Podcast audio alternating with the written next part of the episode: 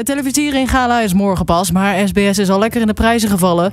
Familie Gillis, Massa is Kassa, heeft een tv-knul gewonnen. Ja, en dat is de prijs voor het slechtste tv-programma. Gelukkig hebben ze geen prijs voor de slechtste podcastpresentator, dus Daniel Bom kan opgelucht ademhalen. Welkom bij TV Talk.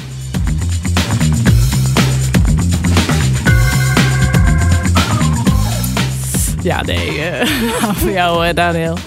Klein grapje, ja, kon niet laten. Leuk. Welkom bij TV Talk. Dit is de podcast die jou iedere dag bijpraat over wat je hebt gemist op televisie. Eh, mijn naam is Charlotte en ik zit hier vandaag met Brit. Hallo. Hallo, dat is even geleden dat je hier zat. Ja, heel lang geleden. Maar wel heel gezellig. Ja, en we jemig. bespreken vandaag de avond van eh, eh, woensdag 11 oktober. Ja. Ehm, en wat was dat voor avond? Ja, nou, het werd dus vandaag bekend dat eh Massa's Kassa het slechtste televisieprogramma heeft gewonnen. Ja, dat was misschien wel te verwachten, maar toch ook veel mensen die het er niet mee eens waren. Eh, hij, Gillis was op zich best eh, eh, sportief met de ontvangst. Hij zei dat hij hem nog op de wc gaat neerzetten. en, ja, je kan hem natuurlijk, het is ook helemaal geen mooi ding of zo. Dus je kan hem ook heel makkelijk gewoon in de prullenbak gooien en dan denk je, Nee, ja, dag. ja. Maar dit was nogal grappig. Hij vond het wel, ja, wel volgens mij wel een beetje jammer. Maar ja, ik denk ook dat die Ja. man denkt, alle negatieve aandacht is ook weer goed. Ja. Dat denk ik ook. Ik denk dat het hem niet zoveel op me uitmaakt. Ik las wel dat de organisatie had gezegd van... ja, dit is een reality show, maar als je inmiddels wil weten wat er echt speelt in het leven van de familie Gillis, dan moet je bij het field zijn. Ja, klopt. Want dat, Bij het Openbaar Ministerie. ja, want Ja. Dit, daar wordt nooit iets in besproken volgens mij, dat programma van hem. Nee, totaal niet. Dus Behalve, ehm, ja, over die, over de, die, die zaken die hij heeft. ja, precies. Dus eh, nou, helemaal terecht, denk ik. Eh, ja, en verder, nou logisch, Israël-Hamas werd veel Ja. nog steeds besproken. Eh, maar het is, dat werd ook gezegd, eh, dat het gewoon gek is natuurlijk dat, je, dat er zoveel gebeurt, dat je nergens echt bij stil kan staan. Ja. Omdat er elke keer komt er weer iets nieuws bij. En dan bij edi- edi- Editie NL, jeetje. Editie NL zeiden ze wel iets interessant dat de afweersystemen die militaire vliegtuigen hebben in Israël, die hebben nu ook passagiersvliegtuigen. dus dan hebben ze bijvoorbeeld een, eh, allemaal van die flares achter op een vliegtuig zitten, zodat de raketten gedesoriënteerd raken of een soort aluminium. Oh, dus ze hebben de afweersystemen, die zitten nu ook op passagiersvliegtuigen. Oh, oké. Ik snap, ik, ik snap er helemaal niks van. Oh, maar dat lijkt me eh, handig, denk ik wel. Maar dat klopt wel wat je zegt, dat het inderdaad, er gebeurt zoveel. Maar dat is natuurlijk in een oorlog. Ja, dat, het is niet één ding dat heel erg is. Het, het blijft steeds, ja. het wordt steeds erger. En dus weer wat en weer wat. En ik denk zeker als journalist. Eh, ja, het is, je krijgt, je wordt er echt een beetje ehm, ja, emotieloos van. Want je, wordt, je krijgt, komt het bericht na bericht. ja, blijf maar komen. Blijft maar komen. Dus dat, ehm, ja, dat snap ik wel. Dus volgens mij gaan we het er vandaag ook niet over hebben. Nee, alleen nog één ding. Excuus. Maar bij eh, afgelopen maandag heeft eh, Johan Derksen die had natuurlijk een uitspraak gedaan over Yes. dat ze dit zelf hadden uitgelokt. De Joden, ja, dat is een belangrijk ja, de detail. Joden Ja. hadden dit zelf hadden uitgelokt. En nu heeft René hem erop aangesproken in het programma van Johan, dit had je toch beter niet zo kunnen zeggen. Ja, en hij heeft zijn woorden gisteren ook een soort van teruggenomen. Want hij heeft wel gezegd dat het inderdaad niet handig was dat hij de Joden zei, dat hij generaliseerde. Ja, Eh, maar ja, mensen zijn alsnog niet blij. Mensen roepen op om aan Talpa om niet meer met hem samen te werken. Frans Klein, onze nieuwe directeur televisie, die heeft ook al gezegd dat hij wel in gesprek wil met eh, organisaties, Joodse organisaties. Dus Ja. we horen het wel. Maar ja, Johan, ja, die kan gewoon niet gecanceld worden. nee. Dat, Dat staat volgens mij in zijn contract. Dus dit, ja, dit waait ook wel weer over. Ja, dat ook wel Ja. weer, helaas. Waar gaan we naar luisteren? Eh, we beginnen met Beter Laat Dan Nooit. Dat is, het was de allerlaatste aflevering. Eh, dat eh, gaan eh, vier mannen met Estefana op reis naar Azië, gingen ze. En dit was de laatste aflevering dat ze in Nepal waren. En ze waren gaan vliegen in een vliegtuig langs het gebergte. En eh, nou ja, amazing. en eh, dan zitten Estefana en Henny Huisman even samen. En dan wordt het een emotioneel gesprek. Dus kijk, ik werd natuurlijk vrij jong aan de kant gezet. En dat kon ik niet erg zetten, als ik heel eerlijk ben. Want ik hou zo van mijn vak, ik vind het zo leuk. En dat moment dat je dan, eh, als dat wegvalt, kom je in een soort, eh, toch een soort zwart gat terecht. Ja? Ja, Heb je dat ook? In sport heb je dat? ja dat heb ik al eh, 100% meegemaakt. Ik ben er nou wel overheen, maar dat mag ook wel. Maar eh, ik vind, eh, heel eerlijk gezegd, dat het ook niet zo, niet zo heel erg goed met eh, de ouderen omgaan. Ook als ze succesvol zijn geweest. Dus je was er zelf ook niet klaar mee? Ik was er niet klaar mee, nee. Nee. Ik was te jong. Ik was 52. Midden in het leven. En ik dacht dat ik allemaal vrienden had. Ook bij die zender. En ik dacht, ja joh. Weet je wel? En Dat dacht je? Ja, dat dacht ik. Je kreeg gewoon een mes in je rug. Ja, een dolk. Een dolk. Ja. Die draaiden ze nog een keer om. Ja, twee keer wel. Drie keer. Ja, dat, daar had ik het heel moeilijk mee. Dacht ik van, hoe kan dat nou? Ik, ik heb altijd zo mijn best gedaan, weet je wel. Altijd mooie programma's. En zeg, ja, hij, het, kijk, als ze nu zeggen, hij ziet er niet uit. Ik zag er toen ook niet uit. Oh, dat vind ik wel heel zielig voor hem. Ja, een dolk in zijn rug. Ja, en dat, dat hij dacht dat hij allemaal vrienden had bij de zenders. En dat dat niet zo was. Ik moet heel eerlijk zeggen dat... Ja, daar zijn we dan misschien allebei te jong voor. Of ik in ieder geval. Ik, heb ook, ik weet ook eigenlijk helemaal niks van de carrière van Henny Huisman. Hij was dus hij was presentator en ik ken zijn naam wel. Ja, Maar, maar, ik weet eigenlijk niet precies wat er dan gebeurd is met hem. nee, omdat hij is gewoon- zo vroeg is gestopt. Dat is er gebeurd. Dat is er gebeurd. Ja, maar hoe en, en waarom dan precies? Nou, ik vind het wel zielig. Maar hij, Ja. hij is weer op tv. Dus misschien dat hij dan toch... Ja, en ik denk, hij, ik heb wel meer afleveringen gezien. En dan is hij elke keer best wel, hij is heel snel heel geraakt. Dus heel erg, dat is wel heel lief. Ja, volgens mij hebben we wel vaker een fragmentje dat hij emotioneel werd in de, de uitzending.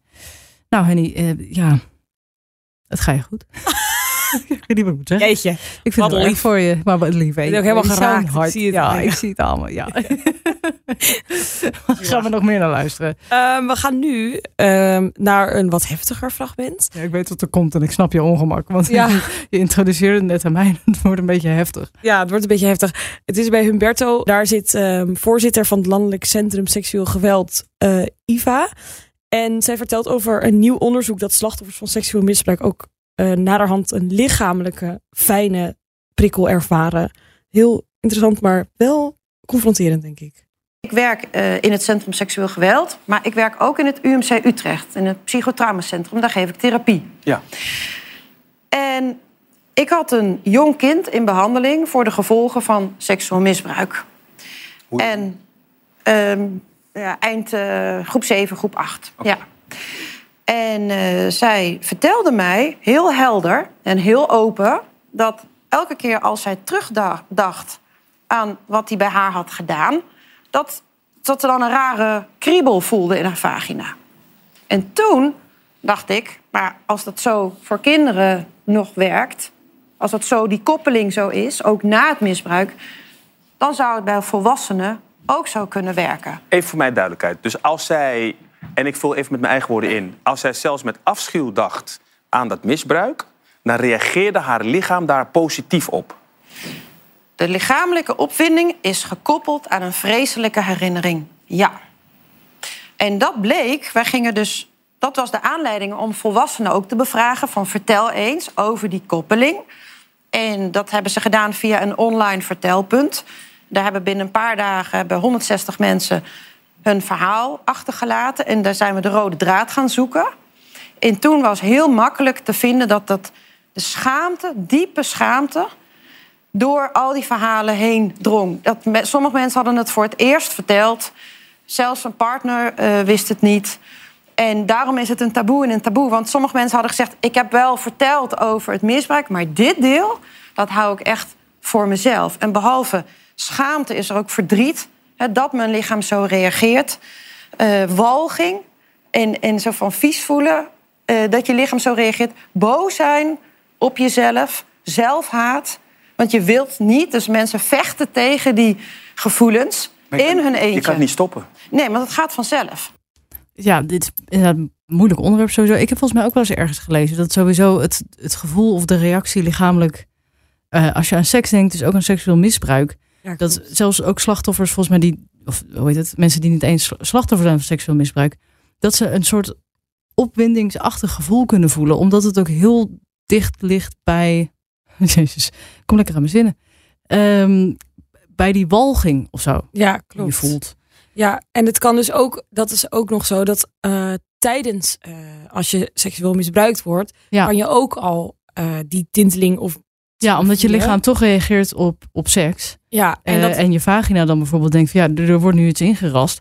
Eh, dat moet wel nat worden, want anders dan gaat het mis. ja, Dus je hebt toch een soort automatische lichamelijke reactie vaak. ja, dus staat dat heel erg los van hoe je er mentaal over kan denken. Ja, dus dat is maakt het natuurlijk allemaal ja, heel heftig. nog veel ingewikkelder. En ingewikkelder inderdaad. nou, ik vind het knap dat mensen dat hebben gedeeld. Met Ja, het ik ook. eh, Centrum voor Seksueel Geweld. En dus heel intens eigenlijk dat het begint met een zo'n Ja. jong meisje. Oh ja, dat, ik was het alweer bijna vergeten. Ja, maar nee. ik schrik er dan echt van hoe oud zij is. En ik vergeet ook gewoon wel eens dat meisjes die zo jong zijn of kinderen ook seksueel worden misbruikt. Ja, Echt zo naar en vies is dat. Ehm, laten we snel doorgaan.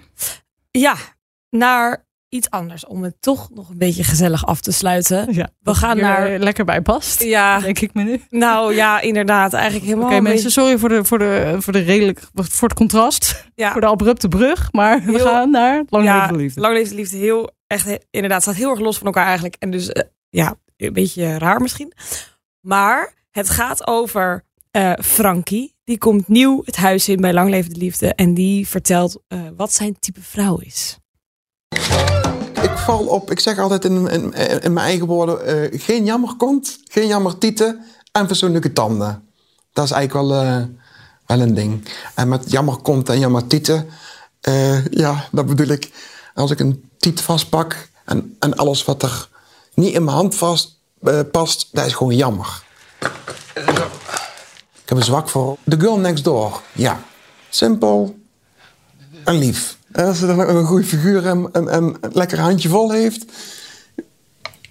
Heerlijk. Ik geloof dat. Ja, en dan een beetje intelligentie en humor. Oh, sarcasme. Ze moet tegen sarcasme kunnen. Ja, sarcasme is mijn middelneem. Gaan we toch afvragen of dat allemaal sarcastisch was. Ja, sarcasme is mijn middelneem. Oh. Ik weet niet zeker, Frankie. Ja, Frankie ehm, Ja. Heeft hier... ook een hele grote mond en doet heel stoer en eh, la la la. Maar vervolgens komt die vrouw binnen en dan, dan, dan hoor je ook niet meer wat hij nou van haar vindt. Zeg maar, Nee, In- natuurlijk niet. Want Nee. op het moment dat je echt dat het over een persoon gaat, of dat je in iemands gezicht moet zeggen eh, eh, waar het op staat of zoiets, dan lukt dat natuurlijk niet. Nee, natuurlijk In niet. zijn eentje lukt dat wel. Ja, Maar, en wat voor meisje was het? Had ze jammertieten? ja dat, weet ik, dat weet ik dus niet. Ja? Dat heeft hij niet gezegd. Oh, dat heeft hij niet gezegd. Nee. Oh ja, hij heeft ze natuurlijk ook niet vastgehouden. Nee, ik, Ik wil hier een paar dingen over zeggen. Ten eerste, wat een begrip. Jammertieten. Oh, Wat? ja. Bedoelt hij dan dus dikke, dikke vrouwen? Dat er vet bij zit of zo? Ja, of gewoon niet, het. niet Ik weet- grote borsten? ja, ik vind het zelf ook een beetje vaag. Het is een soort van als je dan je hand ophoudt. Ja, en dan- dan grote handen heeft hij ook niet. Nee. Maar goed, dus dat is heel raar. Ehm, en ook, ja, het is niet een soort Adonis ook. Dus dat, ik denk ook heel Oh, vaak bij dit soort nee, mannen nee. van, wat, wat zit jij eisen te stellen? Ja, Ja, terwijl je jammer. het zelf ook echt Hij je is- persoonlijkheid moet Hij hebben. is zelf een beetje jammer. Ja, is heel lullig voor mij om te zeggen, maar het, het is, wel- hij eist echt een soort van godin waar alle mannen op vallen. Terwijl ik dan denk, ja, ja. en hij heeft het niet over de persoonlijkheid ook. Nee, nee, nee. En nogmaals, dat heb ik vaker gezegd, vergeten deze mensen soms dat ze op televisie zijn. Hij zet de meest belachelijke dingen waar hij ook echt de rest van zijn leven. Kijk, wij zijn het morgen weer vergeten. Maar zijn familie, zijn vrienden, die vergeten dit niet hoor. Als iemand als Ja, die maar ik ken dit, ja, maar als iemand die ik ken dit op tv live zou zeggen, dan zou je toch echt diegene voor altijd hierop aanspreken. Ja, en gewoon blokken, gewoon contact Ja, verbreken. dat Dat vind ook. ik Ja, echt. dat ook. Nou, we wensen hem het beste. Ja. Ehm, sorry voor deze beetje aparte eh, uitzending die eh, alle kanten op ging. Ja. Ja, morgen, zei ik al, eh, is het eh televisiering gala. Ja, leuk. Dus dat, eh, hopelijk levert dat wat leuks op. Dus zeker even luisteren. Britje, bedankt. ja, jij bedankt. Ja, morgen zijn we er weer. En heb je nou iets gezien online of op tv waarvan je zegt... dan moeten ze meepakken? Stuur het dan naar podcast.hart.talpanetwerk.com. Vergeet je niet te abonneren en tot morgen.